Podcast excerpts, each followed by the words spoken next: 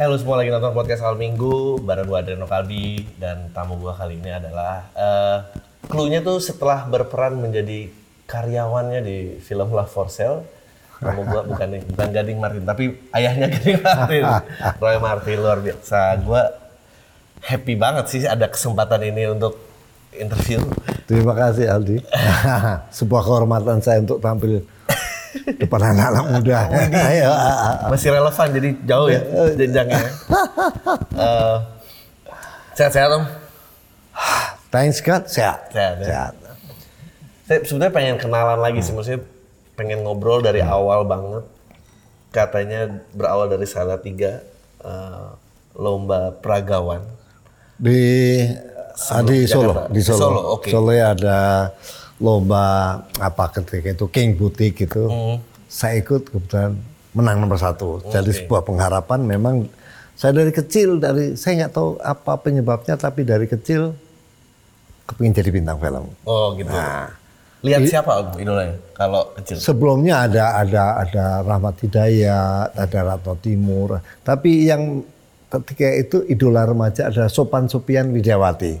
Jadi seluruh polanya dia eh, ketika itu pengantin remaja atau apa gitu, dia memakai eh, payung hitam itu. Kita semua pakai payung hitam. Pokoknya semuanya dialog kita ikutin. Itu adalah idola remaja tahun 70-an. Terus eh, pindah ke Jakarta? tahun 72 akhir pindah Jakarta gelandangan dua tahun eh gelandangan karena nggak punya tempat tinggal nggak punya uang nggak punya kepintaran apa apa tidak punya saudara jadi ya gelandangan. Saya tinggal di ah, pertama kos. Eh, kos selalu telat bayar gitu. Akhirnya diusir lah sama, sama ibu kos karena saya selalu pulang jam 3 jam 4 malam kan Oh. pagi gitu. Pulang dari ya main-main sama teman-teman Tanamur zaman. Saat itu satu-satunya disco adanya Tanamur. oh, Oke. Nah, kalau pulang ganggu juga kan. tok tok tok tok. Jadi mereka agak terganggu telat bayar dan selalu kadang-kadang nyuri itu. Eh, nyuri makanannya dia mereka catering jadi malam kita curi akhirnya diusir. Diusir tempat teman saya di tengah sawah itu sekarang jadi itu mall anggrek itu. Itu dulu sawah itu. Hmm. saya tinggal di teman saya eh, Yayat namanya. Dulu ceritanya nggak ada nggak ada sosial media, nggak ada apa. Ma- masuk nyari opportunity-nya bisa ke industri gimana? Nah, ini yang persoalan. Jadi ketika saya datang ke Jakarta, saya mau masuk ternyata nggak tahu. Masuknya dari pintu mana nggak tahu. Saya sering ke tim gitu lihat mana seniman katanya pada kumpul bintang-bintang film. Nggak ada satupun bintang film kumpul di situ. Jadi ah mulai putus asa gitu udah setahun nggak ada kesempatan. Kemudian ada show-show gitu. Eh mendingan kamu jadi peragawan. Oh boleh juga supaya dapat untuk uang makan kan. Peragawan sebenarnya nggak ada bakat sama sekali. Di situ bintangnya ketika itu adalah Pierre Bruno. Wah, ikut saya, ikut hanya sekedar bisa makan. Hmm. Kebetulan udah satu tahun gitu ada wartawan namanya Albert Situmorang salah menulis saya namanya Pierre Bruno. Saya protes, eh nama saya Roy, Roy Salam gitu. Kok ini? Oh, lihat mau nggak main film? Wah, ini yang saya nyimpi. Jadi karena salah salah nama, itu saya tegur wartawannya. Eh, ngawur kamu. Saya Roy, Roy Salam, bukan Pierre Bruno. Wah, sorry sorry. Mau main film nggak? Wih, ini ngimpi saya. Dikenalin ke Wasidipa, Dipa Jaya Film, langsung dapat peran utama. Hmm. Nah, bayarannya seratus ribu rupiah. Oh, Kalau kalau di sekarang berapa ya itu? Ya kira-kira 10 jutaan. 10 jutaan ya? ya, tak? Lumayan. nggak, ya 5 jutaan gitu. Nggak sepadan sebetulnya untuk peran utama zaman itu karena cuma jangan mau satu minimal 4 juta, gue 4 juta. Ngimpi aja nggak ini 100 ribu, wah itu sebuah angka yang oh. karena kalau saya punya seribu, kalau saya punya seribu, saya titip di warung sana, itu saya bisa makan seminggu. Gado-gado 25 perak. bis kota, bis kota itu bis kota 10 perak. Hmm. Ya, jadi kalau seribu satu minggu. Oh, Aman. Aman ya. Aman gitu. Jadi kalau 100 ribu, Wah, saya pikir nggak akan bisa habis. Nggak akan habis. Taunya sebulan kemudian habis, sudah. Eh, se- saya pengen nanya, ini, ini ini pribadi sih dari saya. Hmm. Eh, ingat namanya butik di Jalan Abdul Muiz Tanah Abang, namanya Extra Hadir, Fun nggak? Extra Fun. Iya. Saya pernah gabung sama sana. Hmm. Namanya eh, Deki. nah, Deki. Betul. Udah meninggal. Udah Beliau. meninggal, betul. Saya kasih ya. Saya ponakannya. Hah? Wah! Loh, kamu anaknya si Anu? Saya anaknya Reddy, Eh, yang paling kecil. Oh, bapak kamu saya kenal. Oh, gitu. Saya kenal. Loh, ya saya juga baru cetak. Iya, iya. Jadi waktu saya ceritanya main bar film bareng Gading di Love for Sale, terus gue bilang, Di, gue tuh pengen banget kenal bokap lo. Karena dia bersejarah, karena generasi sebelumnya itu kerja bareng. Iya, iya benar. Gitu. Saya, Kayak apa kehidupan saya juga nggak pernah, bapak saya nggak pernah cerita. ketika itu Deki uh, punya uh, extra fun, eh, Iya. fun Ja- ya. ja- ini. Ya, jahit ya, butik. Saya diajak Panggi, Panggi Suito. Oh, iya, betul. Kita gabung, kita gabung. Tadi ada Fauzan Ramon gitu, ada Rahdian Jamia. Kita gabung di situ. Kira-kira satu. Oh kalau kita uh, ada Santi Powaka, ada Foni Pawaka, ada Dana Kristi, nah, ada Yeni Rahman. Gitu. Ah, ya, rame ya. Kalau kita fashion jalan sama Diki itu, kita naiknya apa? Oplet. Loh, fashion show tapi naiknya oplet bawa bawa koper. Dibayar sepuluh ribu rupiah. Oh, udah hebat itu. Udah. Ini sebelum dapat film pertama apa? se- Sebelum, Sebelum, oh, oke.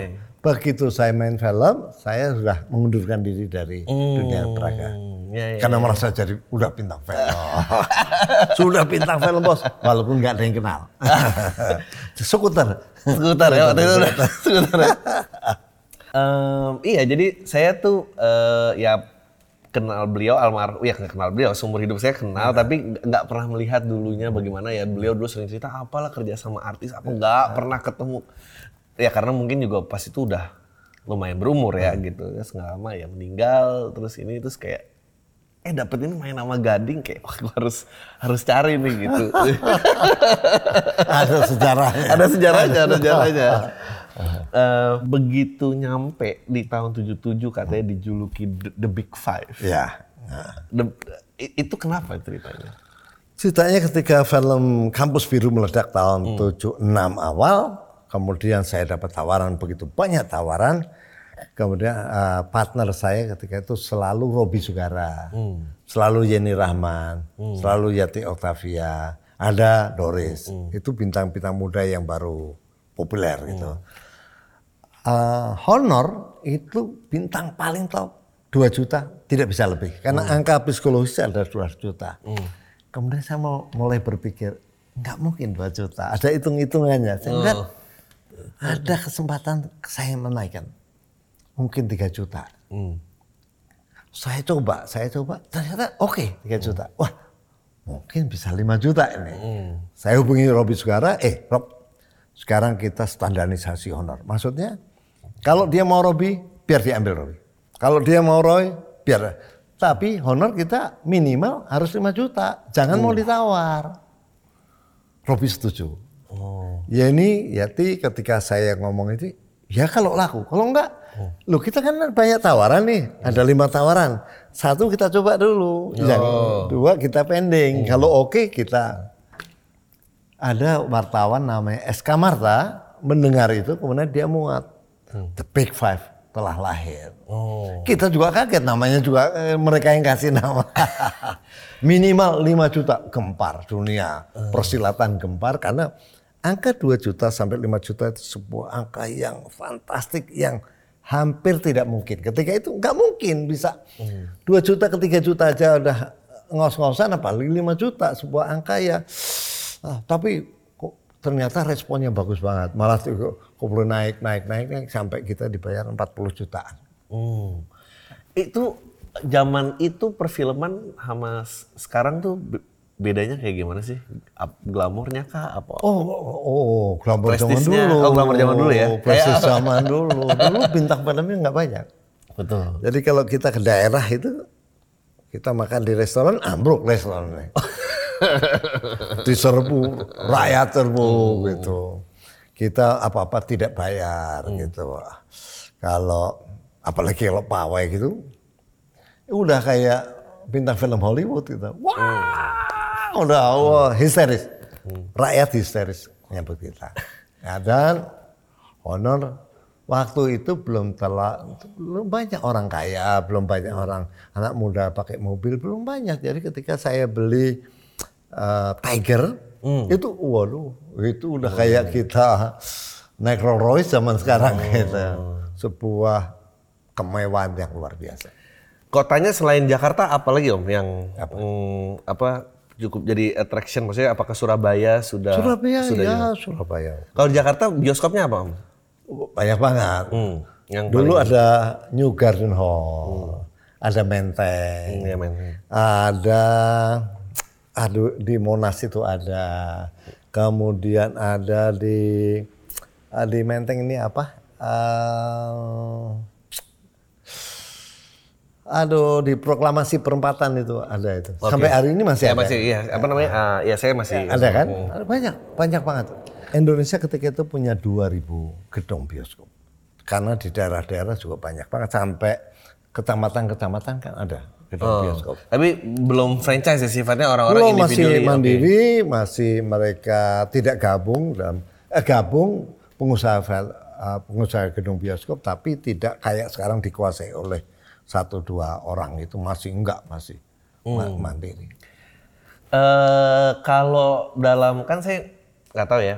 Kalau ngeliat dulu sama sekarang, katanya kita le- lebih bebas zaman sekarang gitu. Tapi kayak kontennya lebih berani dulu Oh, dulu ya. enggak, jauh, jauh, berani zaman dulu. Dulu apa aja boleh, Apa aja boleh ya? asal jangan politik. Oh justru asalnya politik ya? Apa aja jangan politik. Oh. Asal jangan menyentuh kekuasaan apa saja boleh. Love scene boleh. Boleh. Iya, dulu rame ya. Waduh, seru banget zaman dulu. berani film-film Indonesia berani. Nggak ada tuh ya rusuh-rusuh apa siapa yang komplain? Nggak, ah, nggak ada orang rusuh. Mau dihilangin. Iya. Kalau sekarang lihat gini pendapatnya malah apa om? Ah, Saya melihatnya gini, ketika kemerde ketika politik yang melonggar, ketika sen, eh, dalam tanda kutip artinya sensor resim, artinya para seniman boleh berkreasi apa saja, tapi kok malah tambah tidak membuat apa saja. Dulu itu kita masih mengakali kalau sebuah produksi itu kita akalin kalau nyerempet ke politik itu kita akalin supaya eh, resim tidak tersinggung. Hari ini boleh apa aja, tapi industrinya saya melihat semakin tid- eh, tidak ke sana gitu. Kita penontonnya juga agak berubah saya lihatnya. Waktu mulai eh, pindah beralih ke sinetron tuh kan tahun tahun berapa ya? 95 96. Itu mulai turun ya film nasional ya. Film nasional turun, tapi ketika saya ditawarin itu saya sebagai orang film itu agak-agak merasa sombong. Oke. Ya, da- di Amerika atau di mana pun bintang film tidak main TV. Betul. Karena bintang film itu berbeda sangat berbeda. Minta maaf, merasa kelasnya berbeda dari Betul TV. betul betul. Ketika itu saya sudah tidak main film 2-3 tahun, tapi saya punya usaha ada dan maju. Usaha saya maju tiba-tiba ada tawaran dari multifilm untuk Bella Vista. Saya bilang saya nggak, sorry, baru nggak butuh duit saya. usaha saya maju. Nggak ini, ini bayar berapa? Saya biasa 40 juta ini, yuk tawar berapa? Capek lagi kerjanya. 5 juta. Kaki 5 juta. Ya tapi kerjanya. Kerjanya cuma 4 hari. Zaman dulu belum streaming kan. Oh belum ya. Cobalah. Udah saya pikir-pikir. Oke saya pengen coba. Pengen jadi bintang TV juga. Karena ternyata film baru turun. Bintang TV. Hari pertama saya masih ingat. Ketika uh, kamera action.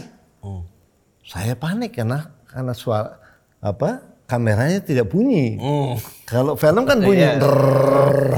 Ini nggak bunyi. Saya retake 17 kali. Jadi saya lihat muka-muka ini bintang film katanya top banget. Malah nggak bisa. Kok retake 17 kali ya? kok lu- ah, saya tiba-tiba dengar suara saya sendiri gitu, loh kok nggak ada suara apa-apa senyap gitu. saya ah, retake 17 kali. Ya ampun. Malu juga, malu. banget. Hari pertama, hari pertama, hari kedua, hari lama-lama biasa juga. Eh, waktu itu tandanya apa om kira-kira nyangka kayak kayaknya ini masuk senja nih tahun 95 perfilman Oh ya memang gejal- gejalanya memang sudah ada ketika uh, TV swasta mulai maju. Oke. Ada sebuah alternatif kayak kayak sekarang ani- hari Ya. ini ada YouTube gitu. Jadi gitu, film mulai tiba-tiba ada TV, ada acara-acara yang lebih menarik karena tadinya TV kan cuma satu TVRI. Betul. Kemudian muncul ada ada TV-TV swasta. Tiba-tiba ada yang namanya sinetron. Hmm. Bella Vista adalah mungkin adalah pelopor Betul. sinetron. So opera yang Iya. iya. Sampai Ram Punjabi namanya Ram Bella Vista Punjabi. Punjabi. Karena dia bangga banget dengan Bella Vista itu. Iya itu eh tahun segitu sih RCTI aja masih pakai decoder ya kalau nggak Pakai salah. dekoder. Nggak- Kalau nggak- salah, kalau nggak salah masih ya kan. Eh, ini kan panjang ya obrolan saya bisnis, maksudnya survive, turun, naik, apa segala macam. Mulai memasuki ke politik kenapa om? Oh ah, ya, ya. Mungkin orang nggak banyak tahu. eh, saya, saya dikasih bocoran. Jadi di sebelah saya ini salah satu pendiri Demokrat. Ah, Demokrat. Sampai akhirnya. Sebetulnya keluarga saya adalah keluarga po- politisi. Hmm. Dari ketika di terjadi peristiwa 65 itu rumah saya adalah rumah di mana apa ya satu pos Hmm. satu pos untuk gerakan anti PKI ketika itu. Hmm. Jadi kita adalah pemuda-pemuda Marhen, PNI. Di Salatiga itu konstelasinya di dalam kota itu yang kuat PNI dan PKI. Hmm. Tapi di luar kota sana adalah NU, sebelah sana adalah Muhammadiyah. Hmm. Tokoh-tokohnya NU tadi adalah uh, Matori. Oke. Sorry, Ah. Matori. Tokohnya Matori itu kumpulnya di rumah saya. Hmm. Tokoh-tokoh mahasiswanya ada George Adi Condro, kumpulnya di rumah saya. Hmm. Yang sana adalah Kurdi, pimpinan dari Muhammadiyah itu nanti menjadi Majen, orangnya SBY. Hmm. Itu kumpulnya di rumah saya. Saya masih uh, masih kecil tapi saya ikut gerakan Marhen ketika itu, Banteng, Banteng Ya. Merbabu itu. Kita yang berani melawan PKI ketika itu di situ. Itu umur berapa? Om? Umur umur 15 16 itu. Oke. Memang saya tertarik bidang politik, tapi ketika mendirikan Demokrat, saya mulai menyadari bahwa saya bukan orang politik. Apa apa yang bikin trouble? Maksudnya Berbeda memang kesenian dengan politik sangat berbeda jauh banget. Di politik itu yang ada kill or to be kill, Oh, membunuh atau kita yang terbunuh. Nggak ada per- pertemanan kita, ada pertemanan palsu, minta maaf. hmm. Jadi kita dorong seseorang ketika dia eh, duduk di sebuah tempat pasti dia akan lupakan ketika lupakan kita ketika kita sudah nggak digunakan lagi. Jadi siapa menggunakan siapa itulah politik. Nah, kesenimanan kita ini nggak mampu me- melihat ada orang cemberut, tiba-tiba melihat ada trik, intrik, intrik, intrik. Politik selalu ada intrik, intrik. Saya merasa, oh saya tidak bakat di politik. Nah, tapi kan oke, pena- penasaran aja sih karena Hmm. kalau Demokrat kan berarti ya presiden salah satu presiden eh bukan kalau presiden pertama yang kita pilih dengan secara langsung kan Ada SBY. SBY betul Iya. dan saya dari Demokrat. Iya. Eh, waktu itu harapannya apa Om nyemplung dan Oh bikin ya, itu? ya, ya, saya lihat bahwa tokohnya ketika itu ada seorang jenderal muda, sangat cerdas itu, Betul, dia sangat kalau bicara itu sangat menarik itu, kita pun jatuh cinta. Betul. Jadi kita melihat kepingin sekali ada perubahan pada Indonesia. Ternyata ya tidak mudah karena ah, ya tidak mudah. Kayaknya iya, mau Iya. dikorek nih. Iya, iya. Enggak ini ya. Takut menyinggung orang lain. Takut menyinggung orang lain ya. Iya. Tapi eh, makanya, nah kembali misalnya tentang menyinggung gitu berkarya, akhirnya ya nggak tahu ya saya saya kebetulan juga ML itu kan kita basically sebetulnya uh, apa talent management yang khusus uh, stand up komedi. Jadi kita benar-benar uh, rootsnya di komedi. Nah, uh, menyinggung orang nih bikin Oh kita sih kena terus ya, maksudnya kita sering banget nih. Eh, terus belum lagi ada pasal-pasal kayak pencemaran nama baik lah, apa perbuatan tidak menyenangkan yang ini ini. Eh, balik dulu misalnya kalau zaman pas bikin Demokrat? film gitu ya, film? eh ketersinggungannya banyak nggak? Kalau di film malah enggak. Malah enggak nggak ada ya? apa-apa Karena ya. yang penting nggak politik ya. Oh, enggak, enggak apa-apa ketika itu yang pen- paling penting tidak menyinggung kekuasaan rezim. Yang paling penting. Jadi malah bebas. Oh, makanya Iwan Fals tuh malah kena gitu ya. Ya, ya, ya. ya nggak apa-apa, maksudnya kan kita Iya. semua tahu itu kan rahasia umum lah Ya, istilahnya. Ya. Eh, terus kalau sekarang tuh juga malah banyak banget lebih daerah yang kena malah. Kita malah nggak bisa ngomong nama apa gitu jadi malah Karena undang-undang etis saya kira. Ini yang harusnya kita pikirkan bersama bagaimana eh, kebebasan bicara boleh tetap tapi juga tidak menghancurkan orang lain. Memang kita lihat eh, undang-undang ini se- du- dua dua apa satu pisau dua mata mata pisau gitu. Kalau kalau diterapkan di sini apa ya kalau nggak diterapkan semua orang bisa memaki-maki orang bisa memfitnah orang tapi kalau diterapkan membatasi bicara.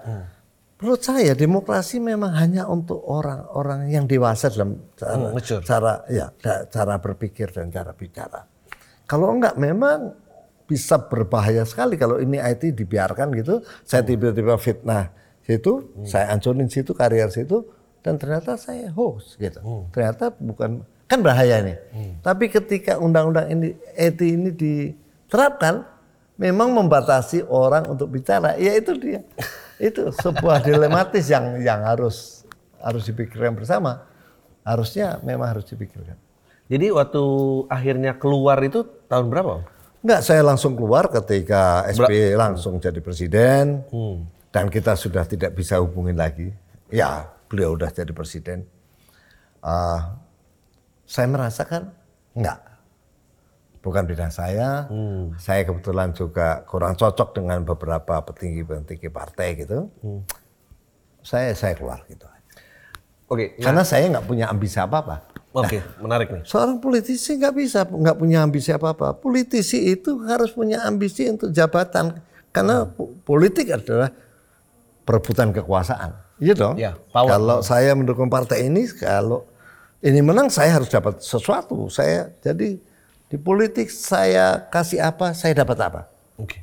Lah saya tidak, nggak ada tujuan itu hanya ikut mendirikan ketika jadi saya ngundurkan diri ya, ya bukan orang politik saya.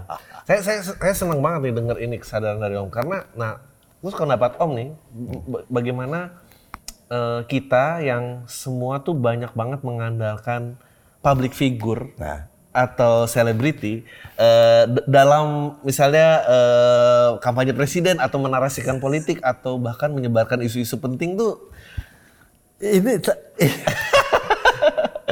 menurut saya celakanya di sini. Nah. Celakanya ketika sistem pemilihan eh, pemilihan presiden kita sem- seperti ini maka atau DPR seperti itu maka orang-orang populer yang akan dipilih oleh masyarakat. Tidak salah orang populer dipilih, Betul. tidak salah. Betul. Ketika orang yang populer tadi punya isi. hmm, Tapi bagaimana kan tidak tidak identik orang populer dengan kecerdasan. Betul, Ya, tidak kecerdasan sendiri orang populer sendiri. Ada juga orang populer yang punya kecerdasan itu menarik. Tapi kalau orang populer hanya populer populer tapi tidak punya kecerdasan dan dia kebetulan memenangkan, apakah jadi anggota DPR ataukah dia jadi kepala daerah ataukah jadi presiden? Ini berbahaya karena isinya belum tentu sama. Popularitas tidak sama dengan kecerdasan. Iya, saya, saya seneng tuh ngeliat Om karena Om masuk ke politik terus sadar ah kayak gue bukan orang politik, gue out. Eh, betul memilih yang populis bel- belum tentu salah. Terus eh, saya tuh ngerasa malah zaman ini tuh kita terlalu banyak mengandalkan selebriti untuk mengarahkan pilihan kita. Padahal kayak tadi, Om memiliki kesadaran, aduh politik ini ranah yang Bukan, ini. Nah, bukan. tapi ini sisanya orang-orang ini tuh gimana nih gitu? Da- dari mulai milih presiden sampai eh, informasi tentang COVID loh. Ini Iya, kalau menurut saya, kalau menurut saya sah-sah betul. para selebriti masuk ke politik. Tapi tolong belajar tentang politik. Tanpa, karena politik sebuah ilmu. Nggak mungkin tiba-tiba saya eh, jadi ketua cabang eh, atau saya tanpa melalui ketua cabang tiba-tiba saya pemilihan eh, katakan wali kota saya menang. Pertanyaan saya, apakah saya ngerti tentang birokrasi? Karena bahasa birokrat itu beda dengan bahasa. Bagaimana saya menghadapi partai-partai lawan saya? Bagaimana saya meng- ngerti nggak saya tentang keuangan daerah? Ngerti nggak saya tentang uh, ya, begitu banyak hal yang saya tidak paham karena saya tidak belajar. Saya dari bintang film masuk ke politik, saya memegang jabatan wali kota. Mampu nggak? Ada juga yang mampu, oke, tapi nggak semua, nggak semua selebriti mampu untuk itu. Harus belajar. Kalau belajar, mungkin bisa, tapi sekali lagi tidak setiap selebriti bisa jadi pemimpin. Tidak. sepengetahuannya Om gitu, emang kalau membangun nama orang, mencari eh, istilahnya apa ya, kayak fame-nya dia un- agar dia bisa ikut dipilih, emang itu berat banget ya. Lebih gampang kayak nyuruh seleb udah lo jadi tokoh Oh aja. iya, iya. Oh, Tidak gitu. boleh. Seseorang untuk jadi misalnya untuk jadi kayak Jokowi gitu, wali kota, kan tidak bisa tiba-tiba saya bawa makanan ke panti asuhan terus jadi saya populer. kan nggak sesuai. Iya, iya. saya butuh waktu. Saya butuh sebagai tokoh, saya mungkin mungkin peduli dengan kaki lima, mungkin saya peduli dengan panti jompo, mungkin saya peduli dengan kesehatan anak-anak atau anak-anak yatim. Tapi kan nggak bisa instan. Tiba-tiba di, di foto, wah memberikan bantuan. Enggak, enggak, enggak, enggak. Itu, itu, itu kan lipstick, itu kan bedak aja itu. Enggak, butuh waktu, butuh waktu, butuh empati yang sebenarnya. Nah, begitu kita udah terkenal menjadi orang itu, ya begitu apa mencalonkan orang akan, ya ini orang, ini tokoh ini memang luar biasa. nih. Ada track record, ada jejak langkah kita, dan tidak bisa satu tahun, butuh bertahun-tahun. Makanya kalau seleb se- istilahnya bergerak di politik udah tahu oh dia ada masanya mendingan gua ajak Iya, Dia aja. lebih mudah itu. Itu jalan singkat yang celakanya selalu jadi wakil. Dan Ini paketan. Dipakai, sebetulnya dipakai alat. Sebetulnya ketika udah jadi nanti juga akan disingkirkan. Eh, terus ke- kenapa kalau gitu bias udah tahu bakal itu dipilih juga ya orang lain Ini kan lain selain saling me- apa saling memanfaatkan. Mungkin selebritinya merasa kesempatan gue ini. Siapa tahu nanti ya. si ini udah punya rencana. Gue cuman pakai lu sebagai ban serep doang. Jadi ya kayak kayak gitu. Selama selebritinya sadar bahwa siapa memakai siapa ya nggak apa-apa. nggak mau bikin gerakan artis jangan masuk politik om maksudnya politik juga ternyata Ternyata itu gerakan, politik juga. gerakan anti politik, politik juga itu. saya tuh kasihan saya kita kemarin baru ngobrol eh, kita bikin talk show sama dokter eh, ya kita ngomongin masalah jering dan segala macam kayak saya bilang gini yang yang trouble adalah yang mengerti knowledge ya itu nggak mau angkat bicara. Sementara yang bicara bicara ini nih ya nggak tahu kompetensinya apa ngapain nih kita kayak gini gitu. Ya ya bingung aja semua udah serba bingung gitu. Ketika kebebasan kita berbicara dibuka, tiba-tiba Indonesia riuh rendah. Tiba, waduh, tiba-tiba hiruk pikuk semua orang mau bicara. Semua orang jadi pembicara hebat. Iya kan? Betul. Karena tadinya di, di bungkem. Jadi ketika boleh bicara, ya Tuhan, apa aja orang bicara.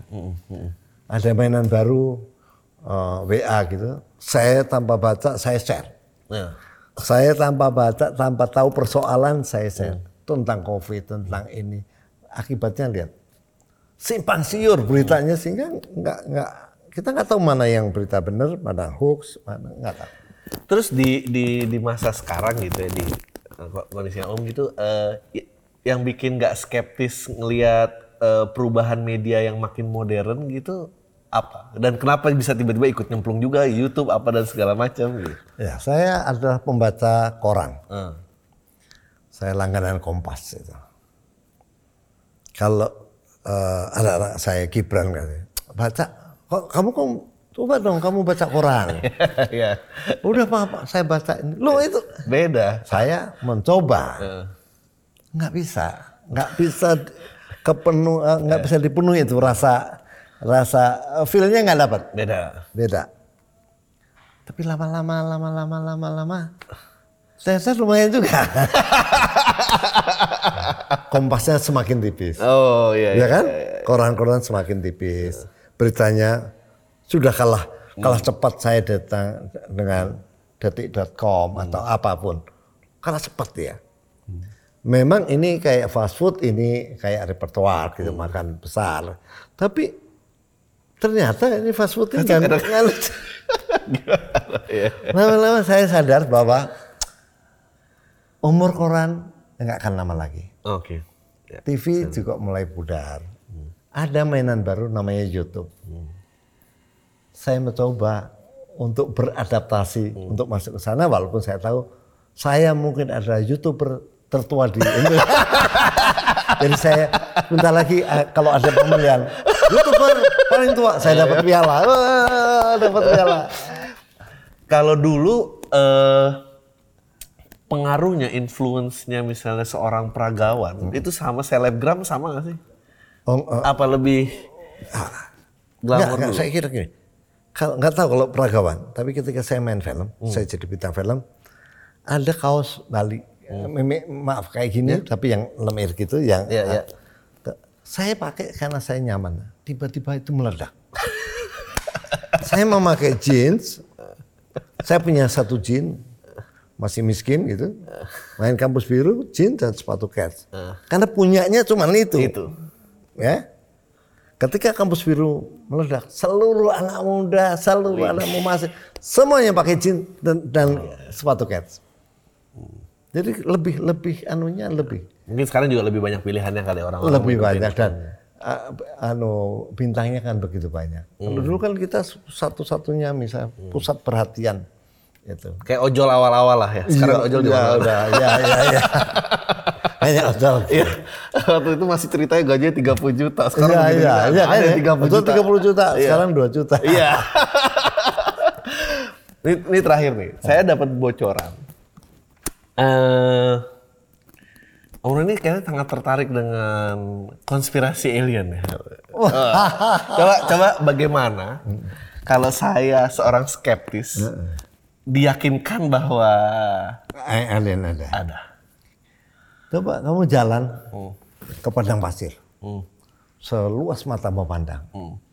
Ambil satu pasir. Hmm. Itulah bumi. Hmm. Itulah kehidupan. Apakah mungkin di seluruh padang pasir itu satu titik tadi pasir adalah pusat kehidupan dari jagat raya? Ini eh, apa? Pencerahan ini datang kapan ceritanya? Ada Oh, saya membaca ini ke, oh, udah 30 40 tahun yang lalu. Oh, waduh, teori von Däniken, teori von Däniken gitu kan. teorinya apa tuh kalau boleh? Von Däniken ya dia bilang itu bahwa Jakarta Raya ini ada triliunan Bima Sakti. Bima Sakti itu ada ratusan miliar dari kayak bumi ini. Pasti ada triliun, triliun, triliun. Seperti saya katakan tadi, bahwa apakah mungkin satu pasir itu adalah pusat kehidupan dari Jakarta Raya? Tuhan yang begitu besar, apakah hanya Tuhan dari 7 miliar manusia? Saya kira, saya kira enggak. Ada tak terhingga. Tuhan yang tak terhingga adalah Tuhan dari kehidupan yang tak terhingga. Ini saya mau nge-push nih. Kalau saya juga percaya pasti ada makhluk di luar sana. Itu satu. Nah, makhluk yang berkecerdasan pasti ada juga yang kedua. Tapi apakah Om Roy itu nyampe di titik di mana kayaknya makhluk yang berkecerdasan di luar ini juga berinteraksi ke sini dan memulai ini? Oh, iya, iya, iya, iya. Kalau kita lihat misalnya gini. Misalnya eh, piramid. Oke. Piramid. Pertanyaan nggak usah bangun, bangunnya udah so- bawa batunya dari mana itu? Hmm. Batunya itu saya udah lihat sendiri itu 2 meter kali 2 meter satunya gitu. Itu ada jutaan. Motongnya pakai apa ketika itu? Nariknya dari mana? Karena ada ratusan kilo dari Mesir itu tidak ada batu. Pertanyaannya dari mana batunya? Bagaimana mana eh, bagaimana motongnya dan bagaimana membawanya? Oh, itu dibawa Perbudakan gitu. Perbudakan pakai eh, kapalnya itu pakai apa? Eh, apa sih yang kayak bambu itu, yang pa- eh, apa itu? Virus. Virus, Virus kapal-kapal virus itu. Saya mau tanya berapa batu yang di- bisa dibawa kapal? Lima tenggelam itu virus. Oke? Eh, ya, lima tenggelam itu virus. Oh, ada ribuan. Oke. Kemudian kenapa dibangun bukan di tepi Sungai Nil? Hmm. Kok jaraknya begitu jauh? Ya. Oh ada teori. Oh dulu, bukan dulu, karena itu ada satu uh, Orang yang dengan, spell. ya. Betul, tiga itu. Dia bilang oh enggak, itu ketika itu dikasih sodetan dari Nil, dikasih sodetan ke situ. Nah sekarang mana? Oh sekarang ditutup lagi. Oh ada bangsa yang begitu cerdas membangun, tapi begitu bodoh menghabiskan waktu hanya untuk membuka dan nutup sungai. Satu. Bangunannya itu sel- semuanya satu garis dan seluruh seluruh piramid di dunia itu satu garis. Iya. Iya, satu garis. Nah, kan aneh. Oke, kemudian di dalam piramid itu ada lorong gitu, ada lorong gitu, terus ada ah, apa uk- lukisan-lukisan dinding. Dari mana dia bisa lukis? Ah, Pertanyaannya, sinarnya dari mana? Oh, pakai obor enggak? Kalau pakai obor, ah, kalau orang Jawa bilang ada langesnya itu, itu enggak ada. Berarti ada listrik gitu. Bagaimana itu? Begitu banyak pertanyaan yang hari ini tidak bisa kita jawab. Kalau di Indonesia apa? Yang undeniable nih kayaknya bukan manusia yang bisa bikin nih. Indonesia saya sejujurnya saya nggak tahu yang mana. Hmm. Tapi mungkin Indonesia enggak enggak ada bangunan-bangunan oh, Borobudur kelihatan kok itu abad ke-8. Tapi mungkin Gunung Gunung Padang ada 12.000 tahun yang lalu, tapi bukan berarti itu alien yang bikin. Mungkin kecerdasan manusia sudah ada gitu. Tapi kalau di di luar-luar kan begitu banyak. Begitu banyak. Contoh piramid aja. Eh, piramid yang di eh, apa, apa- mana? Peru. Hmm, iya. Peru, itu juga luar Yang biasa. gemah. Iya, Ya. iya, iya. Dan banyak, banyak sekali, banyak sekali. Kalau di kitab-kitab Alkitab juga banyak Hmm. disebutkan dengan tafsir ya, tafsir hari ini bahwa itu alien, bahwa itu makhluk asing. Eh, kalau ngebahas gini-gini senangnya sama siapa? Sama Gibran, sama Gadi, Nggak ini. Nggak kira ada perkumpulannya apa? oh, belum ada. Belum ini. Dan jangan kaget, Eh. ada bintang film yang sudah pernah didatangi alien. Oh, eh, masukin podcast dong. Ini. saya sebut depannya L, Oh. LK. Wah, dia dia du- dua kali. Uh. Dua kali dia datangi rumahnya. Saya nggak bisa sebut, tapi nanti saya kasih tahu. Oh. Datang dua kali. Jadiin segmen dong di channelnya. Iya, saya- Seru loh pasti. Iya, saya udah anu WA dia belum jawab. dia didatengin suatu eh, pesawat raksasa itu bersinar di rumahnya. Anak-anaknya lihat, anak-anaknya lihat. semua teriak, oh ketakutan itu. Lah, terus hilang gitu dua kali. Ya ampun. Eh, Kalau emang terbukti positif ada, mereka pernah mendatangi, bahkan memulai kebudayaan dan segala macam atau masih kembali berinteraksi. Harapannya apa? Harapan saya adalah mereka akan ceritakan tentang kemajuan eh, planetnya mereka, bahwa tidak ada pertentangan agama, Oh. bahwa semuanya fine-fine aja, nggak, Luar biasa ini. ya kan? Iya. Bahwa ah, Tuhan lebih besar dari apa yang ki- Hmm. Tuhan tidak kita frame dengan Tuhan yang sempit. agama yang sempit, tapi sebuah universal yang yang luar biasa. Jadi membayangkan bahwa ada utopia gitu saudara. Ya, ada bahwa ah, lebih besar dari frame kita gitu. Jadi jangan jangan ber, eh kamu orang-orang sempit. Eh, pinginnya itu, pinginnya bahwa dia ceritakan bahwa ada kemuliaan Tuhan itu lebih dari itu. Oh, kalau gitu daripada menangin award youtuber tertua, saya lebih doain Om Roy bisa ketemu dan diberikan pencerahannya lagi. Tinggi banget ya Om Roy. Thank you. Saya yang terima kasih. Terima kasih banyak.